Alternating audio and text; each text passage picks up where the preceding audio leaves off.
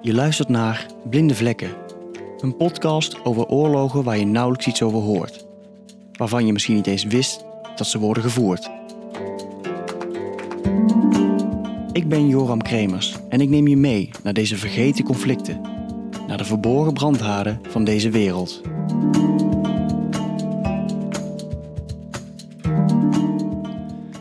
Hoi en leuk dat je luistert naar de tweede aflevering van Blinde Vlekken. Mijn naam is Joram Kremers en in deze podcastserie neem ik je mee naar de vergeten conflicten van deze wereld. Over het ene conflict horen we meer dan over het andere.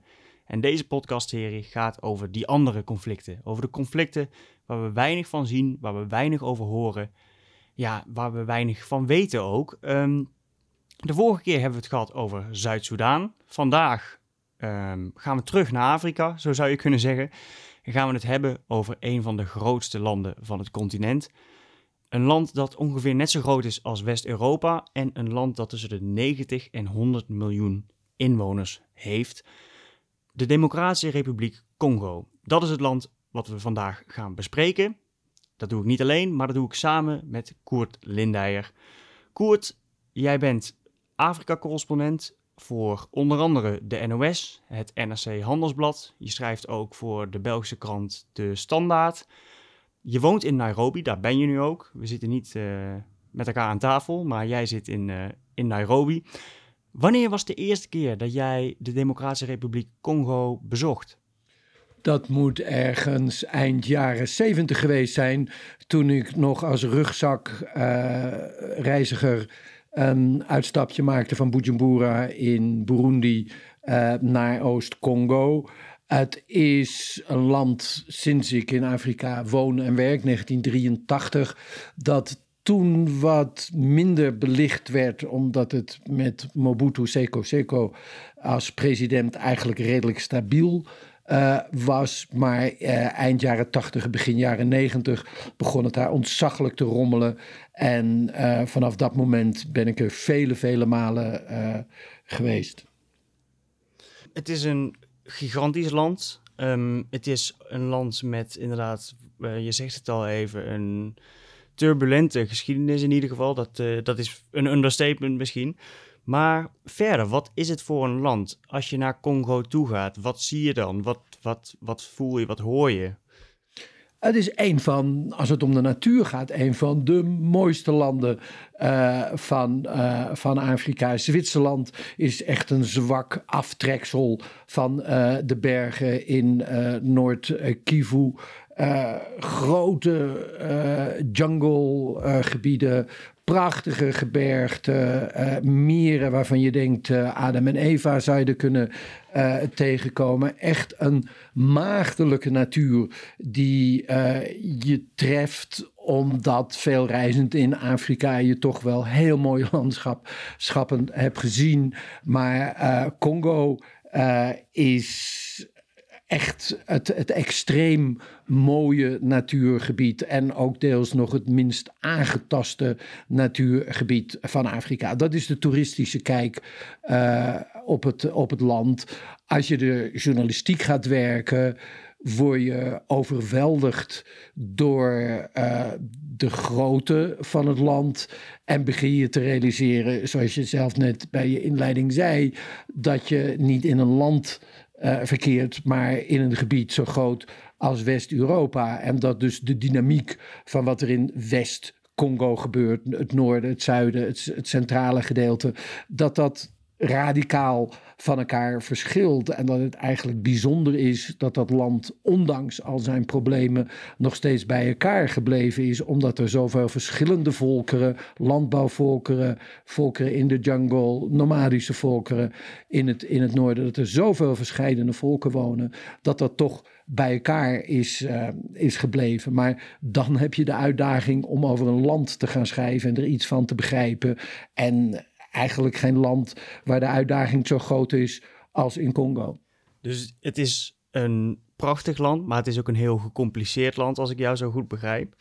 Um, en het conflict dat er gaande is, dat er al jaren, misschien wel tientallen jaren gaande is, dat is misschien wel net zo ingewikkeld uh, dan niet ingewikkelder. Um, je zei net al, de eerste keer dat je er was, was in de jaren zeventig, toen Mobutu, ehm, de, president, de toenmalige president, nog aan de macht was. En dat het in de jaren 80, 90, ja, nou goed, mis is gegaan zou je kunnen zeggen. Maar Mobutu was, was misschien een stabiele leider, maar was ook geen hele geliefde leider.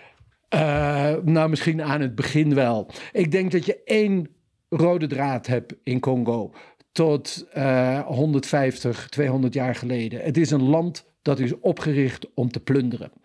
Dat begon met uh, koning Leopold, de Belgische koning. En eigenlijk is die draad altijd uh, doorgetrokken uh, naar het heden.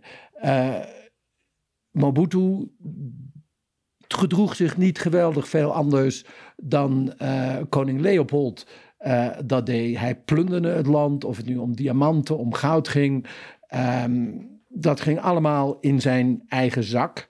Ik heb zelf meegemaakt uh, in het oosten, in Bunia in dit geval, dat er vliegtuigen landen met waardeloze biljetten, bankbiljetten en kisten, kisten vol. En dat vervolgens het vliegtuig uh, vertrok vol met goud. Waar ging dat vliegtuig naartoe? Vroeg ik aan de piloot. En dat ging rechtstreeks naar Europa, naar Zwitserland uh, toe. Allemaal dus voor uh, de portemonnee van Mobutu. Mobutu zette een uh, ingewikkeld, maar uiterst slim patronagenetwerk op. En dat geld dat hij uh, stal, dat hij steelde van het land, moest hij deels ook weer distribueren onder zijn aanhangers. Dat was zijn systeem. Dat is het systeem wat zijn opvolgers min of meer hebben gehandhaafd. gehandhaafd. Het blijft een, een, een land waarbij de politi politici plunderaars zijn. Hij, hij heeft de macht daar stevig in handen dan. Uh, op het begin is men misschien nog wel tevreden, maar die, de onvrede en misschien ook wel de onrust in het land, die, die groeit. Um, maar uiteindelijk is um, de, de aanleiding die die Congo uh, ja, in, in oorlog brengt, of die, die het conflict uh, aanwakkert, die ligt in Rwanda. De oorzaak is de prostaat van Mobutu en de genocide in 1994 in Rwanda. De problemen in Rwanda, uh, het ziekelijke geweld tussen de bevolkingsgroepen, de Hutus en de Tutsis, dat probleem dat rolde van de bergen uh, van Rwanda naar beneden, naar de vlaktes van Oost-Congo. Daar waren natuurlijk uh, al verscheidene problemen tussen uh, verschillende bevolkingsgroepen, maar het genocidale karakter daarvan, dat je alleen je vijand van je vijand kan winnen door hem uit te roeien, dat bestond niet in Oost-Congo. En dat kwam uit Rwanda met de 1 miljoen uh, Hutu-vluchtelingen. Uh, dat aspect van hoe ga je met elkaar om, hoe voer je strijd, dat werd geïntroduceerd in Oost-Congo, in ieder geval door de genocide van Rwanda. Inmiddels was Mobutu ernstig ziek aan zijn prostaat. En de nieuwe machthebbers in het hartje van Afrika, dat was eerst Yoweri Museveni in Oeganda in 1986 en vervolgens Paul Kagame na de genocide in Rwanda in 1994. Die twee leiders die zich opwierpen als een soort keizer van Centraal-Afrika, uh, die de hegemonie in dat gebied wilden uitoefenen, die zagen toen met een verzwakte Mobutu hun kans schoon, hebben een rebellenbeweging opgezet en tot mijn grote verbazing en tot ieders grote verbazing uh, heeft die rebellenbeweging in vrij korte tijd toen uh, de verzwakte Mobutu uh, weten te verdrijven. In 1995 ontmoette ik Laurent Kabila in het stadje Uvira in Oost-Congo. En hij zei toen: Let maar op, ik ben binnen zes maanden in Kinshasa, de hoofdstad van uh, Oost-Congo. Nou, we lachten daar met z'n allen een beetje om. Ik ontmoette hem toen op een rood plastic bankstel in Uvira. En we dachten, wat een groot praat, dat lukt natuurlijk nooit. Maar omdat Laurent Kabila op de rug van de Rwandezen en de Burundese en de Oegondese uh, strijdkrachten uh, toen zijn opmars naar Kinshasa begon. Het heeft iets meer dan zes maanden geduurd, maar uiteindelijk is hem, is hem dat gelukt. Maar zonder de zwakke prostaat van uh, Mobutu lijkt het mij heel onwaarschijnlijk dat dat gelukt zou zijn. Want Mobutu had wel eerder opstanden die hij heeft weten te onderdrukken, maar deze opstand, deze militaire confrontatie kon hij niet aan. En bovendien werd hij natuurlijk door het buitenland, Frankrijk, uh, in de steek gelaten, die hem altijd heeft gesteund. Dus toen had hij geen bescherming meer. En uiteindelijk is hij met de staart tussen de benen er vandoor gegaan. Want uh, die man waar je het over hebt, Laurent Kabila, dat was. Wie was, wie was dat precies? Hij was op dat moment een dronkaard en een taxichauffeur in Dar es Salaam in uh, Tanzania. En hij is eigenlijk uit de voddendoos gehaald door een medewerker van Paul Kagame. Men was gewoon op zoek naar iemand die die opstand moet leiden, moest leiden. Laurent Kabila had al eerder een opstand vele jaren daarvoor in Oost-Congo gevoerd samen met uh, de beroemde Che Guevara. En Che Guevara schrijft ook in zijn boek over hem van nou, hij was de minst, uh, de minste alcoholicus die ik ben tegengekomen. Che Guevara heeft uiteindelijk de handdoek in de ring gegooid en zei nou hier is geen revolutie te beginnen in Congo. Maar van alle leiders vond hij uh, Laurent Kabila het meest acceptabel. Maar hij zag niet echt een revolutie in Congo uh, beginnen, uh, uh, starten. Die opstand van Laurent Kabila toen, die is mislukt. En daarna is Laurent Kabila, Laurent Kabila doorgegaan met het illegaal vervoeren van alcohol tussen Tanzania en, uh, en, en, en, Congo. Dus hij was eigenlijk uitgespeeld en zat een beetje sip in Dar Salaam. Maar ze hebben hem daar, uh, Rwanda heeft hem daar weer uit de, uit voddendoos gehaald en hem toen aan de leiding gezet uh, van, van die opstand. Dus als ik jou goed begrijp, dan zijn het buitenlandse machten, dus Rwanda, Oeganda, Burundi, die eigenlijk het ja, Congo in, in het in een oorlog uh, drijven. Wat voor een rol speelt die Rwandese genocide daar dan bij? Hoe kan het dat um, genocide in Rwanda uiteindelijk bijdraagt aan geweld in Congo? Die genocide leidde tot een miljoen plus vluchtelingen die uit Rwanda wegtrokken naar Oost-Congo. Uh, we hadden dus 1 miljoen doden ongeveer in Rwanda. En vervolgens kwamen die Hutu-burgers, uh, die kwamen naar Oost-Congo toe. Die werden daar in kampen opgevat, opgevangen. Dat leidde onmiddellijk tot een ontzaglijke grote humanitaire tragedie. In steden als Goma uh, brak cholera uit en de mensen stierven daar echt als ratten. Uh, de humanitaire wereld is daarop afgekomen, maar in die kampen herorganiseerden de Hutu-militanten zich en die begonnen infiltratie richting Rwanda. Dat heeft Rwanda niet geaccepteerd, heeft uiteindelijk in 1996 met geweld die kampen ontmanteld de meeste van die vluchtelingen zijn toen naar Rwanda uh, onder dwang teruggekeerd. Maar een deel van hen, en dat waren dus de radicalen, de gewapende milities, die trokken verder Congo in. En daarmee werd het conflict geïnternationaliseerd in Oost-Congo. En werden lokale conflicten, die vroeger ook wel met geweld werden opgelost, maar die werden veel vreder dan ze daarvoor uh, waren. En heel Oost-Congo, en het gaat dus om Noord-Kivu en Zuid-Kivu, de twee uh, grootste provincies, de twee grootste regio's daar, die werden volledig door de war gegooid, volledig gedestabiliseerd. En die ziekte van uh, elkaar proberen uit te moorden, die verspreidde zich steeds verder over het land. En toen eenmaal de Rwandezen en andere buitenlandse krachten oprukten naar het westen, uh, toen werd het dus een conflict van Oost-Congo, werd het een conflict van het hele land. En zo werd zoals altijd in de geschiedenis is gebeurd van Congo, zo uh, werden de buitenlandse machten, werden degene die de doorslag gaven wat er in Kinshasa gebeurde. En in dit geval leidde het dus tot de val uh, van Mobutu. En dan lukt het uiteindelijk dus de taxichauffeur uh, Kabila om, om aan de macht te komen. Om Mobutu is die, die vlucht. Hij wordt de nieuwe leider van Congo dan zou je kunnen zeggen, dan is um, de, de oorlog tot een einde gekomen. Waarom, waarom blijft het onrustig in Congo? In het westen van Kinshasa, en nogmaals, Stanley, de ontdekkingsreiziger, deed er geloof ik een paar maanden over om van het oosten naar het westen door de jungle te trekken.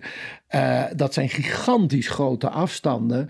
In het westen van Congo uh, waar andere volkeren leven, waar andere dynamiek is in de politieke verhoudingen. Daar zag men Kabila als een zetbaas van de Rwandezen. Uh, daar zei men van zo'n klein rotlandje als Rwanda. Uh, heeft ons overgenomen en Kabila is daarvan de exponent. Uh, ik was uiteraard in 1996 in uh, Kinshasa toen Mobutu viel.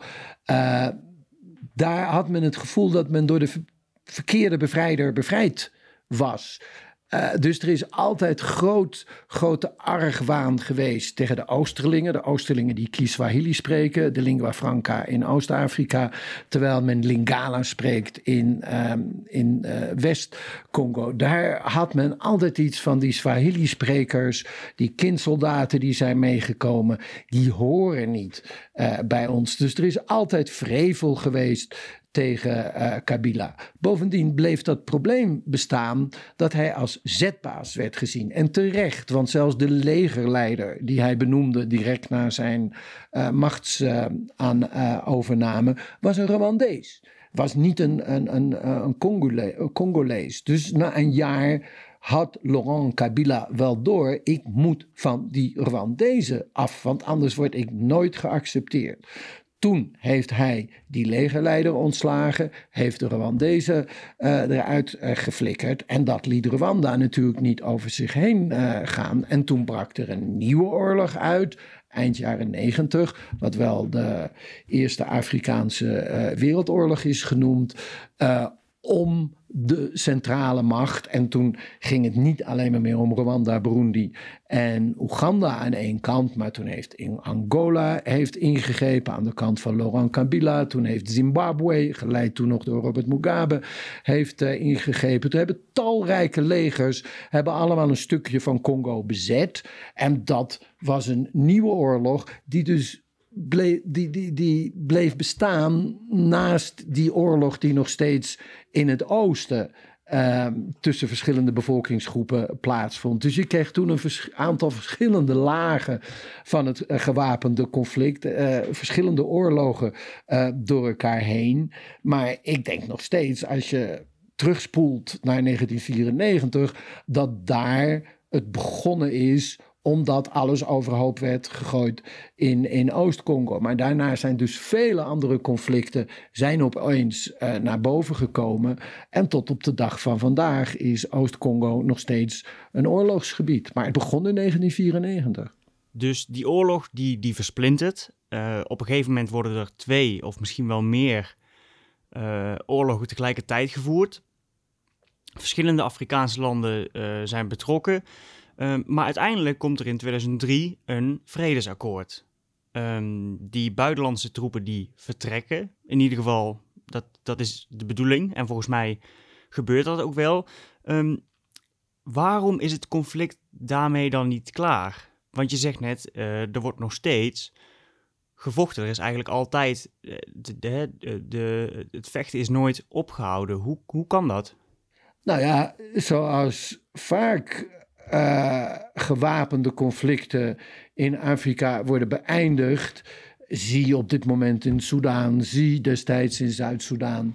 Uh, is dat de militaire eenheden worden opgenomen in het nationale leger.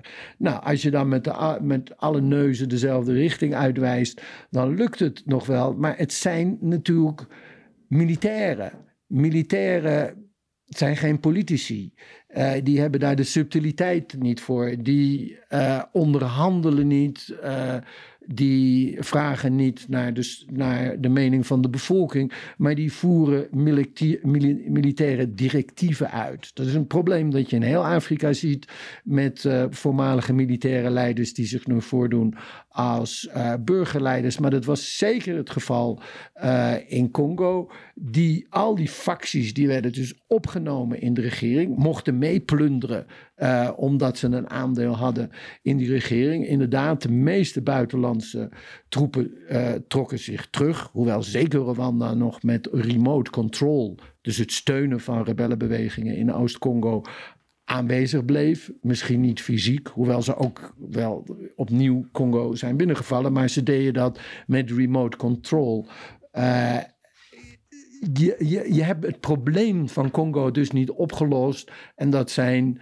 Uh, dat is het probleem van grondstoffen die voor de het nationale belang moeten worden ingezet. Sterk uh, lokaal bestuur. Al die dingen die zijn altijd uitgebleven. Het land is opgedeeld in wingewesten voor milities, voor rebellengroepen, voor het, het regeringsleger. En dat systeem is blijven bestaan. Congo is nog steeds een staat waar geplunderd wordt, waar maar een heel klein deel van de nationale inkomsten in de staatskast belandt, maar het meeste gaat via uh, krijgsheren via buurlanden, soms ook rechtstreeks als het om goud gaat naar het Midden-Oosten.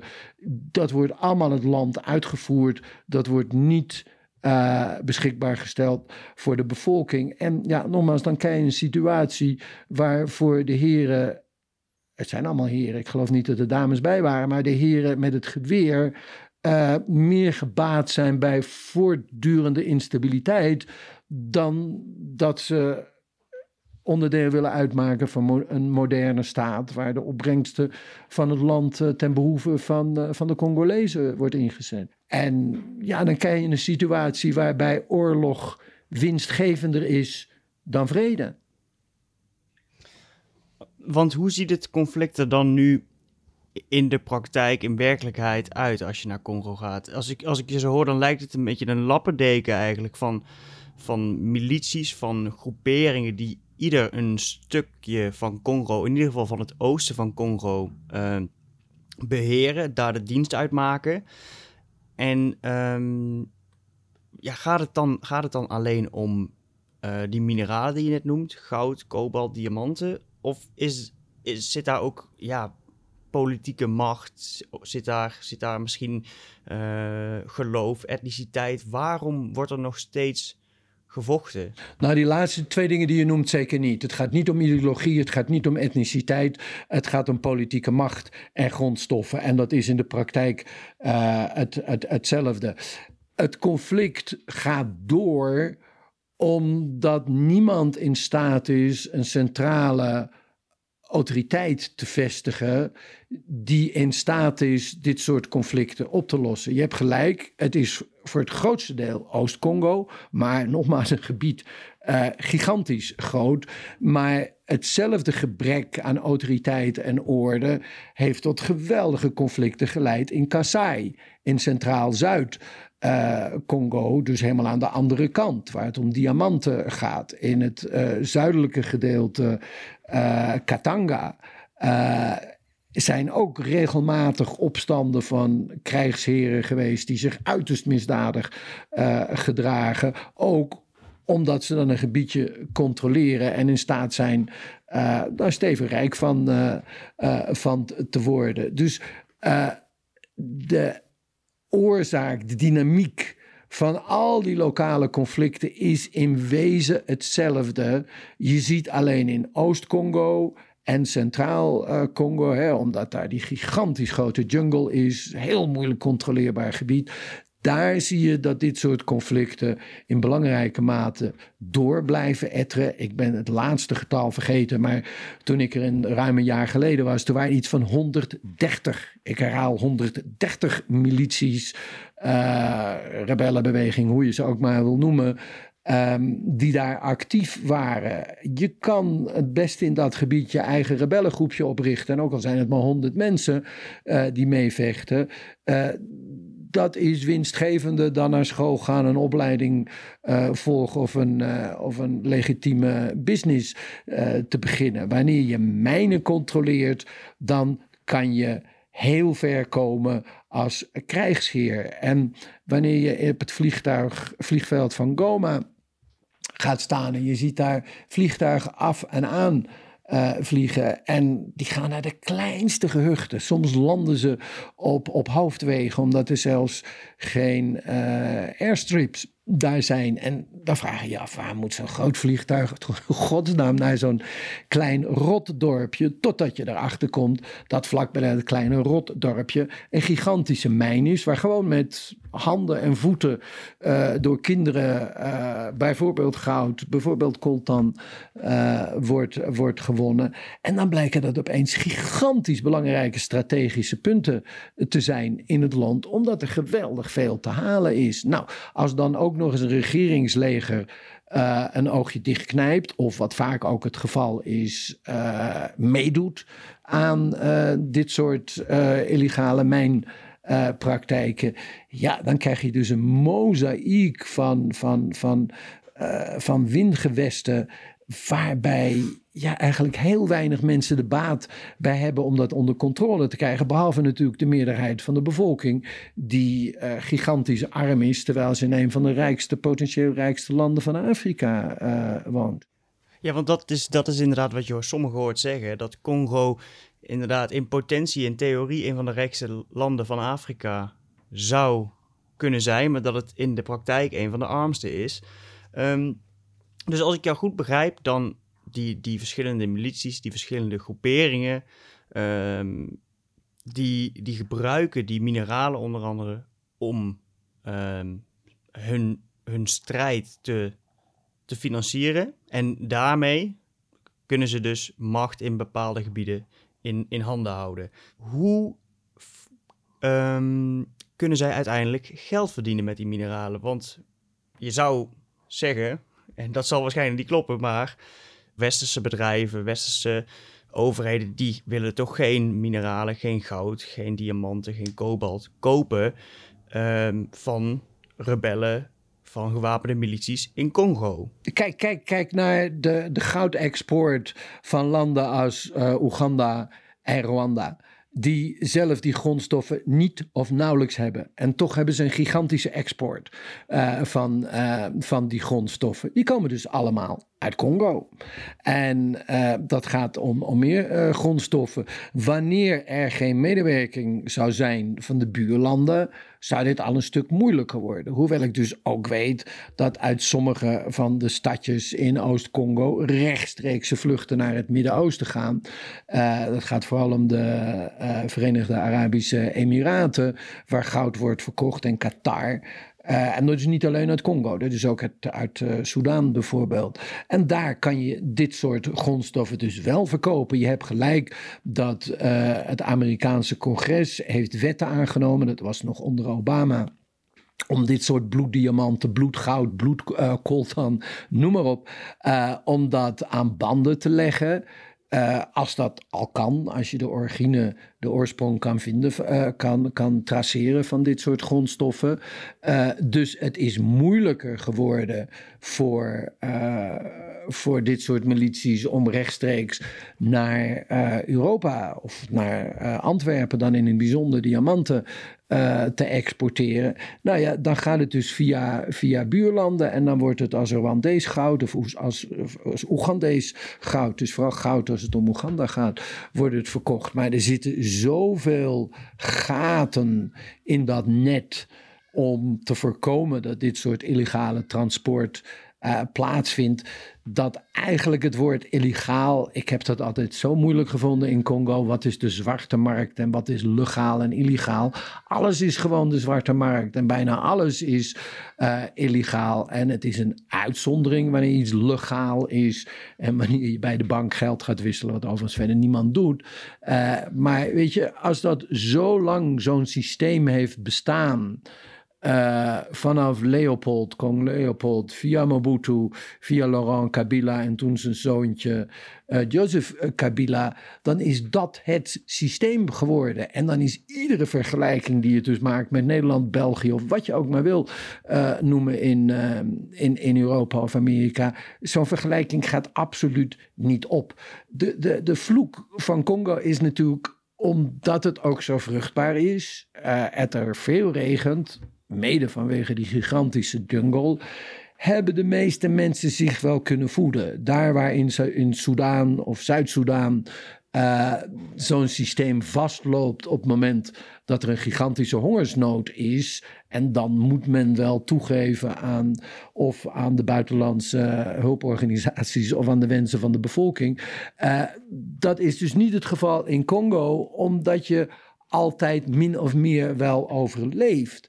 En als je reist in Congo, zal je ook op plaatsen komen, echt waar je denkt, nou, hier heeft de tijd stilgestaan, om maar een, uh, een, een veelgebruikte uitdrukking uh, te noemen. Men leeft daar zo geïsoleerd, men weet niet wat uh, moderne gezondheidszorg is, scholen bestaan niet.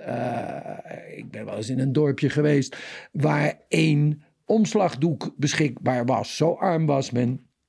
En uh, dat dus alleen, dan moest je de omslagdoek lenen om naar buiten te gaan, want anders liep je in je blote kont, weet je. Ik bedoel, het was zo arm, zo geïsoleerd, zo alleen gelaten, maar deels ook nog net draaiende, omdat je dus altijd wel je mais of je sorghum kan uh, planten dat de bevolking geen invloed hierop heeft. Eigenlijk alleen maar slachtoffer is. Want hoe wordt, uh, hoe, hoe, hoe wordt de bevolking, of hoe is de bevolking slachtoffer van het conflict? Wat, ja, uh, wat is de impact op de bevolking? Uh, na de genocide in Rwanda, waarbij een geschatte 1 miljoen mensen zijn omgekomen, zijn er, en dit is echt ontzaglijk natte vingerwerk, en ik heb daar gigantisch bezwaar tegen als journalist, maar soms kan je niet anders, zijn er een geschatte 5 miljoen mensen in Oost-Congo omgekomen. Als gevolg van de oorlogen, van de oorlog, uh, oorlogen die uitbraken na 1994 in Rwanda. En dat waren niet slachtoffers van uh, geweren, van kogels of van honger.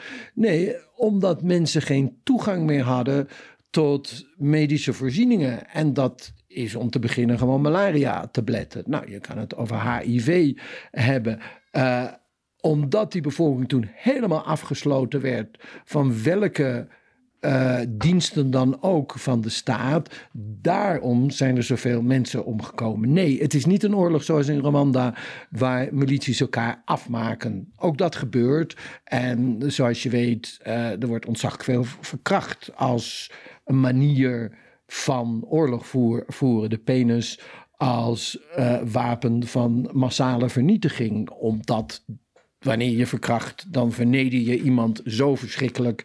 Uh, nou, dan neem je de wapens niet meer op. Als je grootmoeder op het dorpsplein verkracht is door een jongetje van 15 jaar, weet je wel, dan heb je zo'n hele familie en zo'n heel dorp helemaal getraumati getraumatiseerd. En nou, dan gedraag je je wel onderdanig aan de heersende macht. Of dat nu een militie of een regeringsleger is. Want alle strijdmachten hebben zich daar aan, aan schuldig gemaakt. Maar het geweld en het lijden van de bevolking zit hem dus in de eerste plaats in geen, toegang, enkele toegang meer hebben tot moderne voorzieningen.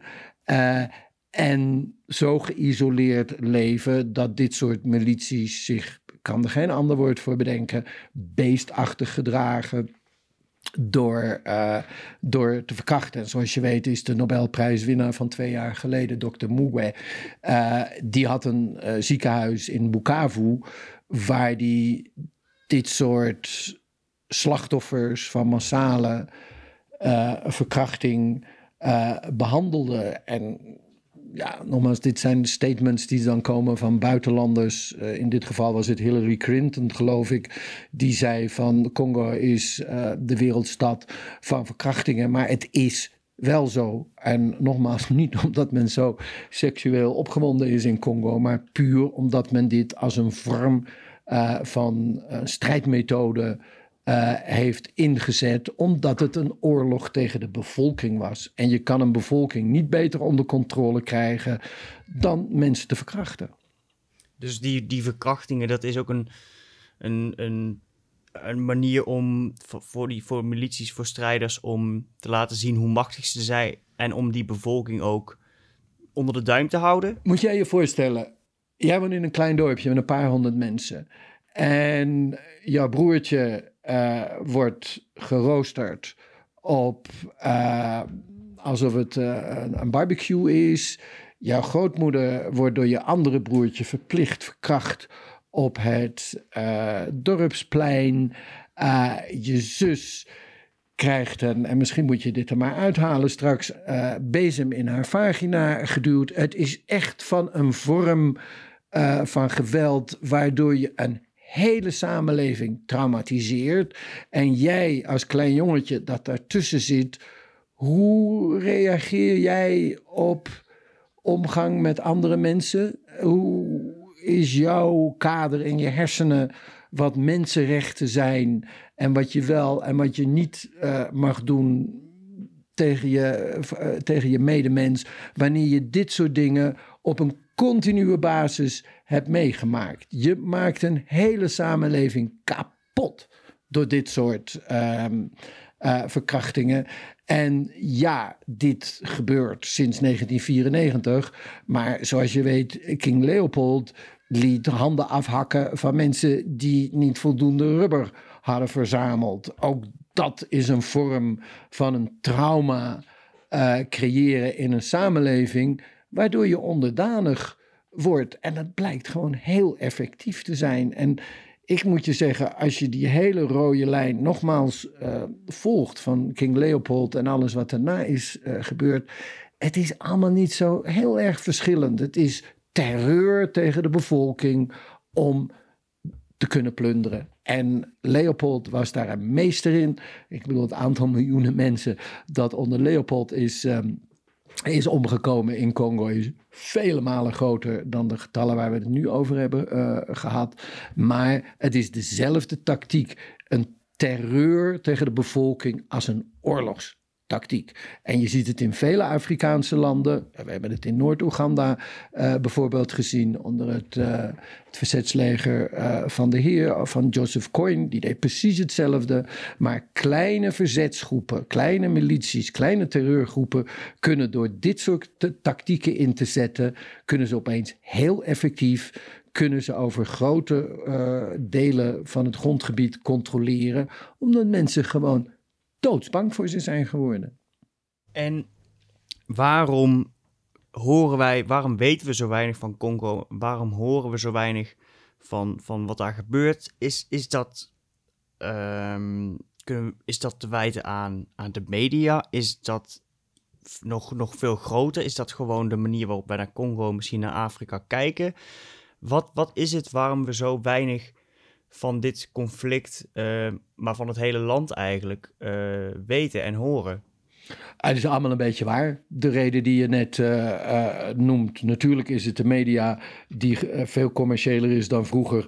En we berichten over wat we denken dat mensen willen, willen horen. Het is ook de bekrompenheid van Nederland dat we alleen uh, journalistiek naar de allergrootste problemen in de wereld kijken. In België lees je veel, veel meer over Congo. In Frankrijk lees je veel, veel meer over Congo uh, dan in Nederland. Dat is een keuze van, uh, van de media. En in de jaren dat ik hier werk, sinds 1983, heb ik dat naar beneden zien glijden, merk ik dat in Nederland steeds minder belangstelling is voor dergelijke grote conflicten. Uh, het heeft misschien ook iets te maken met rien se chance. Er verandert helaas weinig. En, en, opnieuw honderd doden in Oost-Congo. Als we het ooit te weten komen. Het is geen nieuws meer. Je zal Wanneer je over Congo op de hoogte wil blijven, zal je Frans moeten leren. Uh, zal je op een, op een paar websites uh, moeten abonneren. Maar het is zeker niet zo, vergeleken met vroeger. En nogmaals, ik praat als opa tot je, die dit al een hele lange tijd doet. Het is zeker niet zo dat er geen informatie meer over Congo is. Want er is veel meer informatie dan vroeger. Maar ingewikkelde conflicten, ja, daar moet je op kouwen om dat te begrijpen. En daar kan je niet zomaar als hapklare bok uh, doorslikken. En Congo kan je niet als een hapklare blok, uh, brok doorslikken. Dat is ingewikkeld en om het te begrijpen. En er is alleen aandacht voor als er hele grote gruwelijkheden zijn. Maar de werkelijke oorzaken van het probleem, die overigens niet door het buitenland alleen zijn op te lossen, die komen in die stukken en die reportages eigenlijk heel spaarzaam uh, aan bod. Kijk, het gaat niet over zomaar een land. Het is een land en dat heeft het overeen met Nigeria. Als het fout gaat, dan worden alle buurlanden erbij betrokken. En dan krijg je dus wat je noemt een, een wereldoorlog in Afrika. Dus het is niet zomaar in uh, focussen op een land en dan zeggen: oh, oh, waarom wordt er zo weinig aan Burkina Faso? Waarom wordt er zo weinig aan Angola gedaan? Nee, dit is het hart van Afrika. Dit is het altijd geweest.